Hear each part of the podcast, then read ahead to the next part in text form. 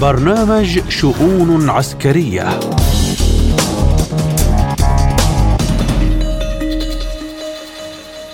تحية طيبة لكم مستمعينا الكرام من استديوهات إذاعة سبوتنيك في موسكو مع حلقة جديدة من برنامج شؤون عسكرية أقدمها لكم اليوم أنا عماد طفيلي والبداية بأبرز العناوين. بلجيكا تدرس إمداد أوكرانيا بطائراتها المقاتلة من طراز F-16 الأمم المتحدة في العراق تدين الهجوم على مطار عربت في محافظة السليمانية العراقية.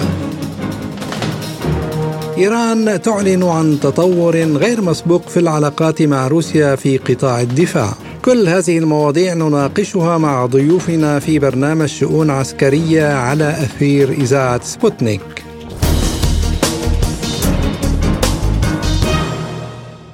والبداية مع الأزمة الأوكرانية. قال رئيس الوزراء البلجيكي ألكسندر ديكرو إن بلاده تدرس إمداد أوكرانيا بطائراتها المقاتلة من طراز F-16.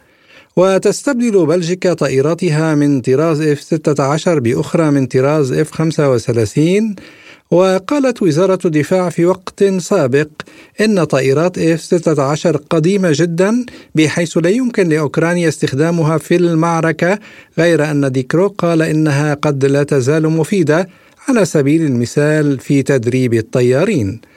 وقالت النرويج والدنمارك وهولندا في الأشهر القليلة الماضية إنها ستزود أوكرانيا بطائرات F-16 بمجرد أن تصبح قواتها الجوية جاهزة لاستخدامها.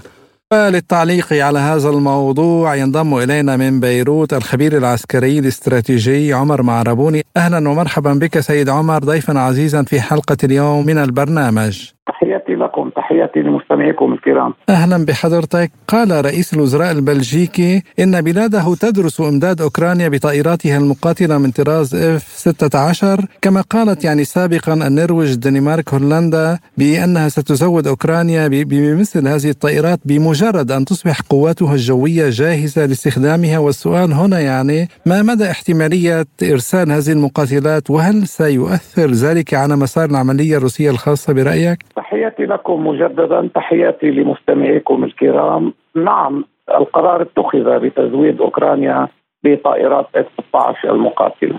لكن هذه المسألة يعني كما تفضلت يعني لها شقين. الشق الأول المرتبط بقرار تزويد أوكرانيا وهو قرار يعني تم اتخاذه على مستوى يعني غالبية دول الغرب الجماعي.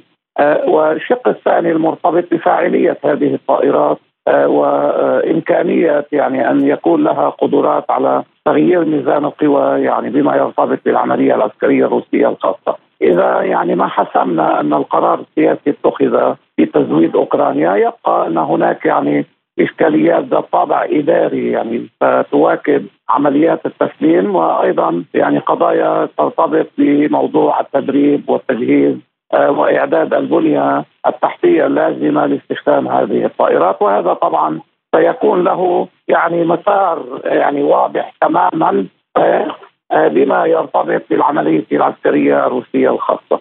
في الحقيقة بما يرتبط بمسألة فاعلية هذه الطائرات، هناك أيضا شقين يعني الشق الأول هو عدد هذه الطائرات والشق الثاني هو كيفية إدارة هذه الطائرات و دمجها يعني في منظومة القوات الجوية الأوكرانية آه، وهو أمر في الحقيقة يحتاج إلى الوقت آه، انطلاقا طبعا يعني آه، من أن أوكرانيا تعتمد يعني على نمط إدارة للقوات الجوية مختلف تماما عن النمط الغربي. نعم، على صعيد آخر يعني دعت الأمم المتحدة الولايات المتحدة إلى إعادة النظر في إرسال ذخائر عنقودية إلى كييف. برأيك هل تستجيب واشنطن لنداءات المنظمة الدولية أم يعني مثل العادة لا يعني تضرب هذا الأمر بعرض الحائط؟ طبعا بالتأكيد ليس يعني متوقع من الولايات المتحدة الأمريكية أن تستجيب يعني آه، لطلب الأمم المتحدة بوقت تزويد أوكرانيا آه، بالقنابل العنقودية وهذا الأمر سيستمر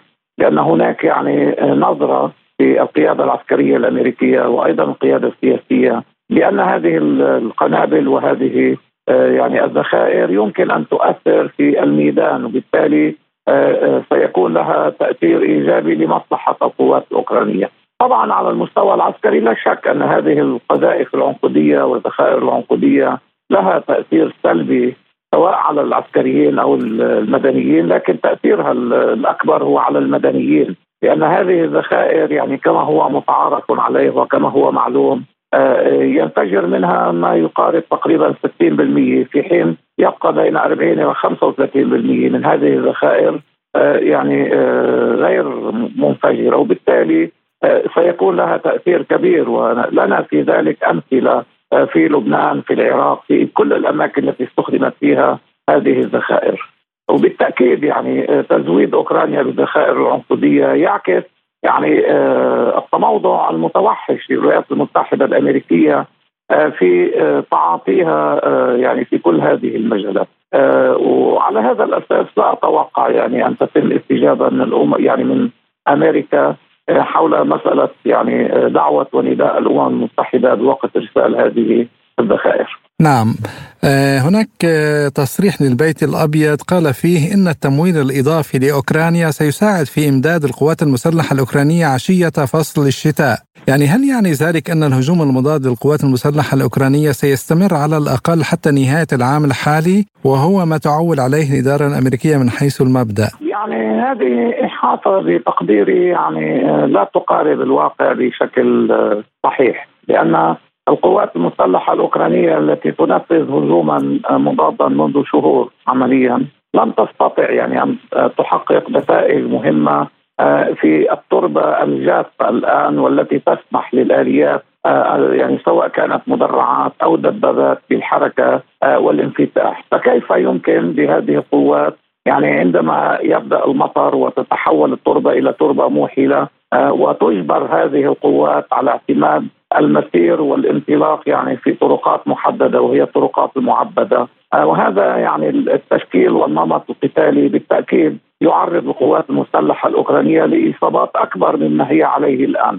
وبالتالي أنا أتوقع طبعا يعني أن آه، يخف يعني آه، منسوب يعني الهجوم المضاد. يعني هذا منطقيا. لكن إذا استمرت أمريكا بدعم وجهة النظر القائلة باستمرار الهجوم المضاد فهذا سيكون امرا مكلفا على القوات المسلحة الأوكرانية. ما سيؤدي يعني بعد انتهاء فصل الشتاء إلى هجوم مضاد روسي كاسح جدا على اعتبار أن يعني الخسائر التي ستلحق بالقوات الأوكرانية آه، في فصل الشتاء إذا ما استمرت في العمليات الهجومية آه، سيؤثر على مجمل البنية، إضافة إلى ذلك يعني موضوعيا الآن يعني حتى الخبراء العسكريين الغربيين يؤكدون أن آه، أوكرانيا دخلت في مرحلة الانهيار. آه، وطبعا هناك يعني شكلين من أشكال الانهيار. الانهيار الإدراكي الذي يسبق الانهيار العسكري. يعني الانهيار الإدراكي يعني في مكان ما أن القادة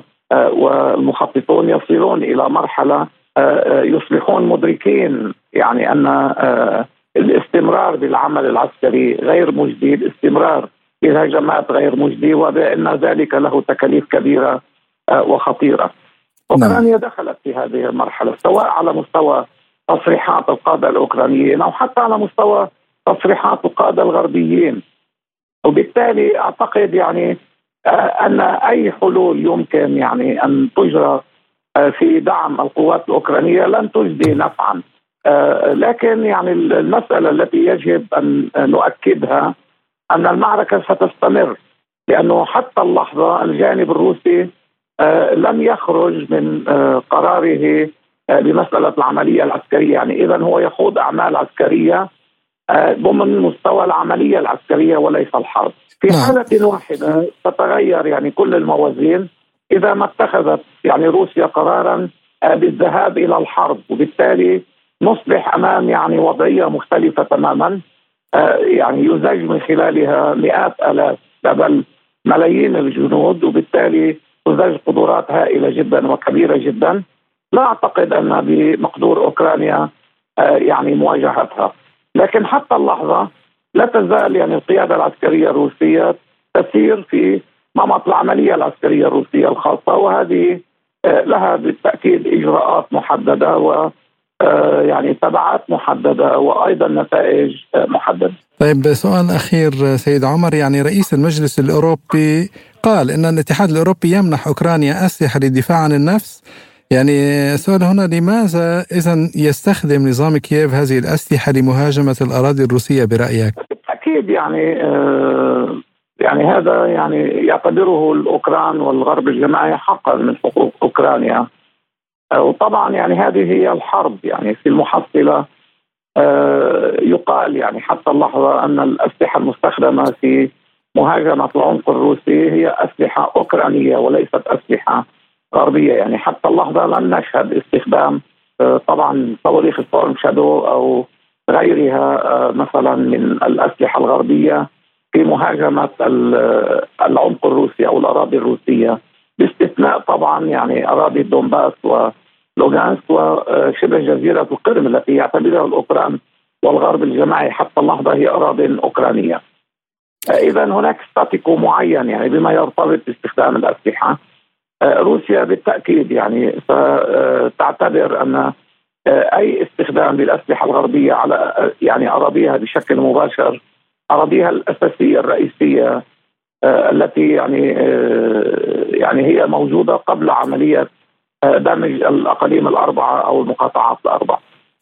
على هذا الأساس هذا الأمر ينطلي أو سينطلي على طائرات الإف 16 يعني طائرات الإف 16 آه، يعني آه، هي أسلحة غربية في حال تم تزويد أوكرانيا بها آه، سيتم التعامل معها بنفس النمط وبالتالي أعتقد يعني أن الأمور ستبقى ضمن هذا الاستفيد. نعم الخبير العسكري عمر معربوني شكرا جزيلا لك سيد عمر. شكرا جزيلا لكم.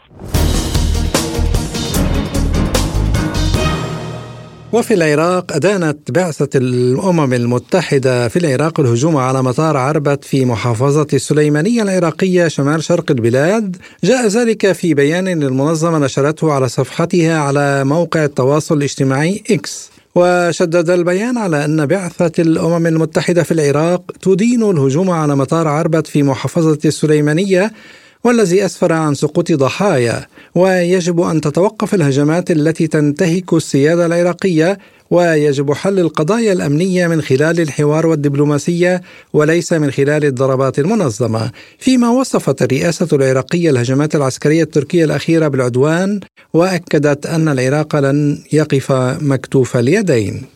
وذكرت الرئاسة العراقية في بيان صحفي يوما بعد آخر تتصاعد الهجمات العسكرية الممنهجة على الأراضي العراقية وتحديدا في إقليم كردستان ودون مسوغ عسكري أو أمني. استال العدوان المدنيين الأبرياء والمقر العسكرية والأمنية وقد أوضحنا للجهات التركية المعنية في مرات سابقة أن العراق على استعداد للجلوس مع الجهات الأمنية المعنية لسد الثغرات التي تعتقد تركيا أنها أماكن تسلل لمن يريد المساس بأمنها ودون أن نرى استجابة حقيقية لدعواتنا. وللتعليق على هذا الموضوع إليكم ما يقوله الخبير في الشأن العراقي محمد الفيصل.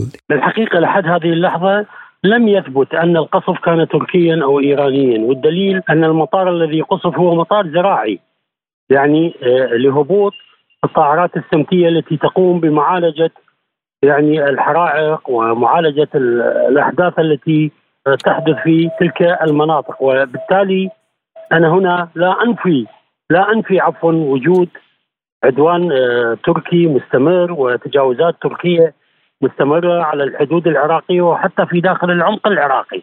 وهذا الموضوع لابد من أن يكون هناك إجراء رادع لابد أن يكون هناك خطوات فعالة في سبيل إيقاف تركيا عند حدودها وإيقاف تركيا وعدم السماح لها بالتجاوز مرة أخرى بعد أن سبق هذا التجاوز تجاوزات بالعشرات بالحقيقة.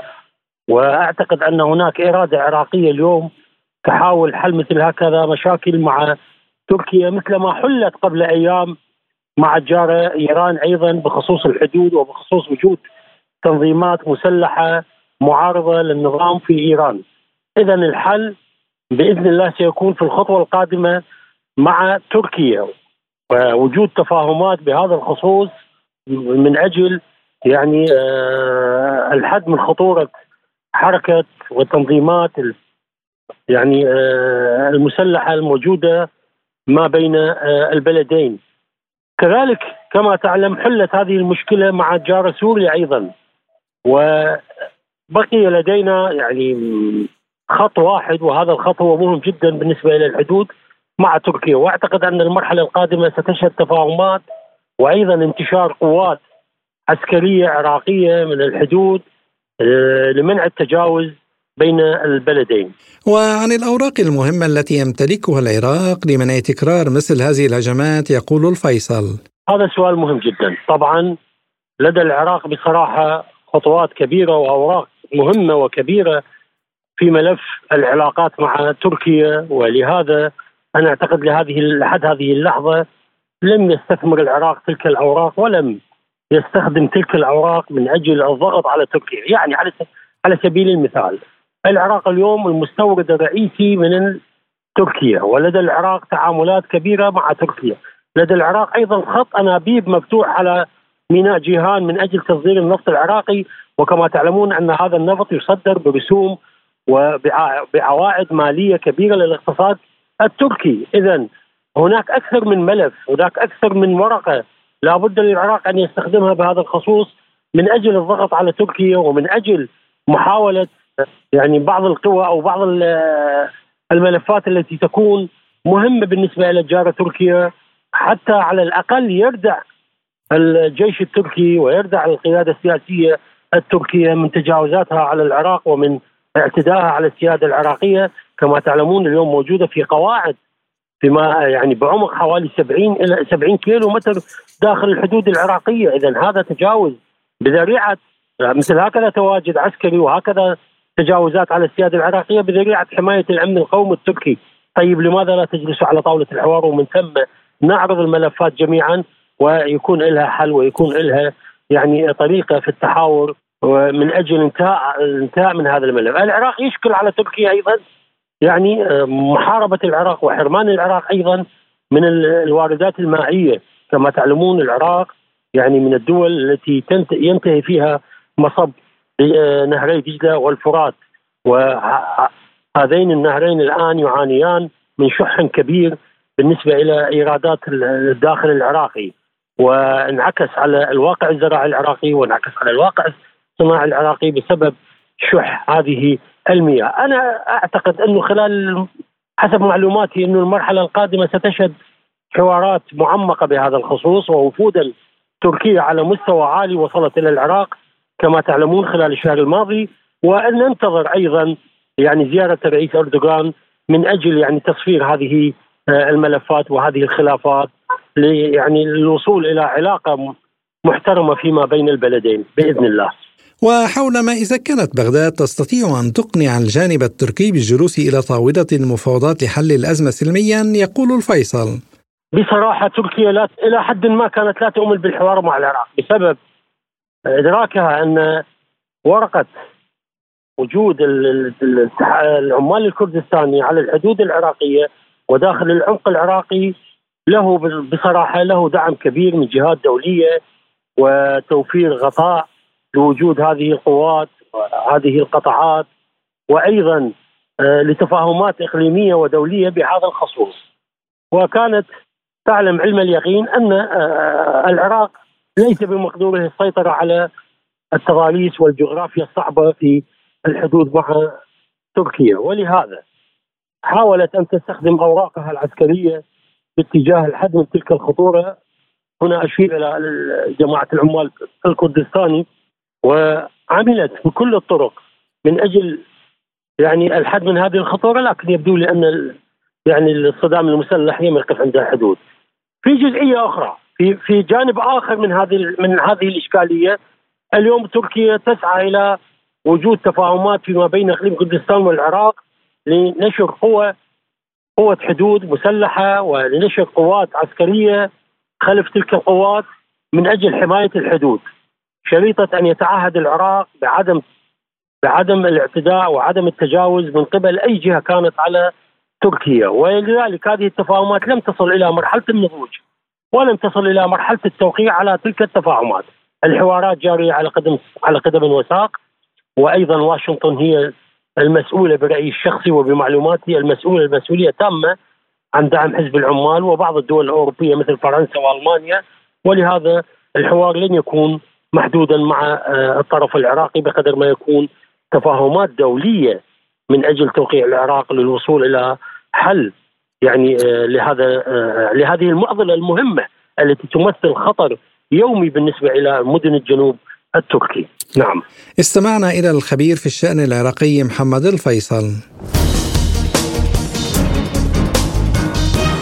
اتفق وزراء الخارجية للولايات المتحدة ودول الأعضاء في مجلس التعاون الخليجي على تعزيز التعاون في مجال الدفاع والأمن بما في ذلك الفضاء الإلكتروني. جاء ذلك في بيان مشترك صدر عقب اجتماع عقد مؤخرا في نيويورك. وأكد بيان الوزراء من جديد عزمهم المشترك على تعزيز الأمن والاستقرار والازدهار الإقليمي من خلال التعاون والشراكة الاستراتيجية بين دول الخليج والولايات المتحدة. واكدوا مجددا عزمهم على تعزيز وبناء العلاقات في جميع المجالات بما في ذلك التعاون الدفاعي والأمني وعلى العمل على تعزيز التعاون الإقليمي. وأشار بيان وزراء الخارجية إلى أهمية الاستمرار في عقد اجتماعات فرق العمل المتخصصة لتحقيق أعلى درجات التنسيق ويتوقعون إجراء مشاورات لمجموعة العمل المشتركة بما في ذلك ما يتعلق بالأمن السبراني والدفاع الجوي والصاروخي المتكامل والأمن البحري قبل نهاية العام. وللتعليق على هذا الموضوع إليكم ما يقوله لبرنامجنا خبير في الشؤون الخليجية والأكاديمي القطري الدكتور علي الهيل. لأن الولايات المتحدة الأمريكية ممتعضة من اتجاه دول الخليج العربي السعودية الإمارات حتى قطر في اتجاه عالم متعدد الأقطاب بقيادة روسيا والصين. والتعاون الدفاعي أيضا والصناعي والعسكري والاقتصادي ولا سيما وقوف السعودية وروسيا في أوبك بلس ضد الرغبة الأمريكية بزيادة الإنتاج. ولذلك هي عقدت هذا الاجتماع بين أنتوني بلينكن وزير الخارجية الأمريكي وسفراء أو وزراء خارجية دول المنظومة الخليجية. هذا هو السبب الحقيقي. ولكن طبعا الوجود الأمريكي في منطقة المنظومة الخليجية وانسحاب الولايات المتحدة الأمريكية والمرارة السياسية اللي تركتها في كما إذا صح التعبير فم الأمير محمد بن سلمان بعد قصف آه، منشآت ارامكو في بقيق وخريص. وتخلي الرئيس الأمريكي السابق دونالد ترامب حتى عن انتقاد ما حدث. وقال طبعا قولته المشهورة this did not happen in America. This happened somewhere else. We have nothing to do with it. هذا لم يحدث في أمريكا. هذا حدث في مكان آخر. ونحن لا علاقة لنا به. هذه تركت مراره سياسية لدى السعوديين وبدرجه متفاوتة لدى لدى الخليجيين. ولهذا السبب اتجهت السعودية ودول الخليج بشكل عام إلى روسيا وإلى الصين. حتى يعني حتى قطر تعتبر الشريك الاستراتيجي ولديها قاعدة عسكرية في منطقه السيلية في قطر. حتى قطر باعت وقعت مع الصين اتفاقية لمدة 30 سنة لتزويدها بالغاز المسال الطبيعي القطري الانجي لمدة 30 سنة. وهذا الولايات المتحدة الأمريكية وحلفاء الولايات المتحدة الأمريكية في أوروبا. وعن أهمية اختيار دول الخليج لسياسة متوازنة في التعامل مع الغرب والشرق يقول الهيل. ومن حق دول الخليج أن توازن في علاقاتها الاستراتيجية السياسية والاقتصادية والعسكرية بين الولايات المتحدة الأمريكية ودول الخليج. لم تقل أننا لم نعد نقيم علاقات مع أمريكا وأوروبا وإنما قالت نحن من حقنا أن يكون لدينا خط رجعة ومن حقنا السيادي أن نوازن علاقاتنا مع الولايات المتحدة الأمريكية. والصين من ناحية وروسيا من ناحية ثانية.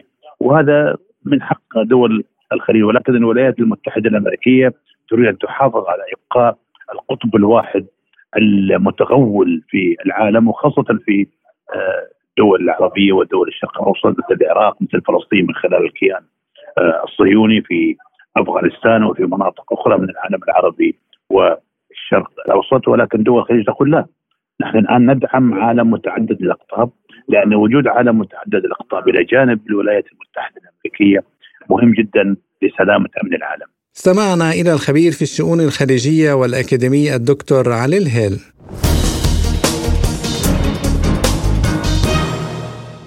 وإلى إيران حيث أعلنت عن تطور غير مسبوق في العلاقات مع روسيا في قطاع الدفاع وأشار وزير الدفاع وإسناد القوات المسلحة في البلاد محمد رضا إشتياني إلى أنه على مدى السنوات القليلة الماضية قامت روسيا وإيران بتوسيع نطاق تعاونهما بشكل كبير.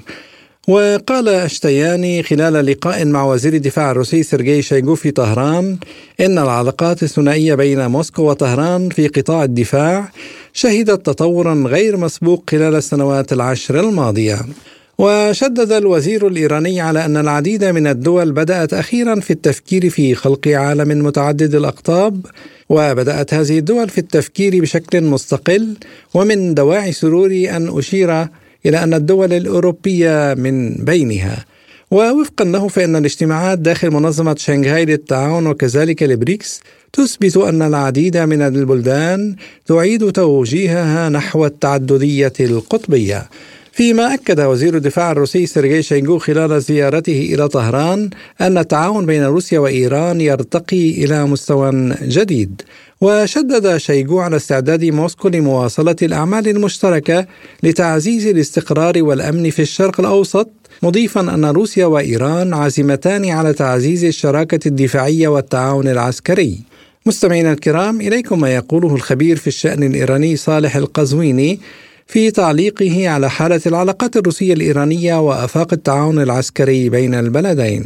يعني العلاقات الإيرانية الروسية ليست وليدة الساعة وليست وليدة الصدفة ولا هي آه، يعني تطورت وتعمقت وتعززت آه، بعد الحرب الأوكرانية. الغرب يثير اللغط ويثير ضجة غير مبررة على هذه العلاقات بينما هذه العلاقات آه، تعود إلى أكثر من من عقدين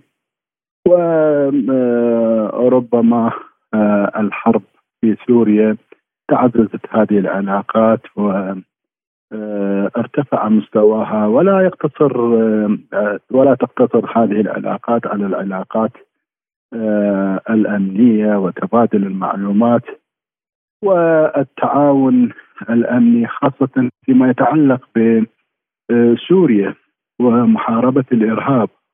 وإنما هناك آه، آه، تتسع العلاقات لكافة المجالات المجالات الاقتصادية التجارية وسائر المجالات. آه، يوم أمس سئل الرئيس الإيراني في نيويورك على هامش أعمال جمعية العامه المتحدة في مؤتمر صحفي سئل عن هذه العلاقات. آه، قال إن هذه العلاقات آه، علاقات قديمة وعلاقات مترسخة. وتتطور وتتعزز يوم بعد آخر. الطرف الآخر يريد أن آه، يثير الشكوك ويثير الغموض آه، تجاه هذه العلاقات ليضرب عصفورين بحجر. آه، يضرب أي تقارب مع إيران باعتبار إنه يقول إن إيران تمد روسيا بالأسلحة. وكذلك الحال يضرب أي تقارب مع روسيا. هذه هي طبيعة الغرب للأسف الشديد في الوقت الذي يقدم كافة أنواع الأسلحة وبعض الأسلحة حتى أنها محرمة دوليا يقدمها للطرف الأوكراني ولكنه آه، يثير ضجة واسعة على أي تعاون آه، إيراني آه، روسي. سمعنا إلى الخبير في الشأن الإيراني صالح القزويني. إلى هنا مستمعينا الكرام تنتهي حلقة اليوم من برنامج شؤون عسكرية. قدمتها لكم أنا عماد طفيلي على موجات إذاعة سبوتنيك من موسكو. وللمزيد تابعونا على سبوتنيك Arabic.ae وتليجرام سبوتنيك عربي وراديو سبوتنيك. وشكرا لإصغائكم وإلى اللقاء.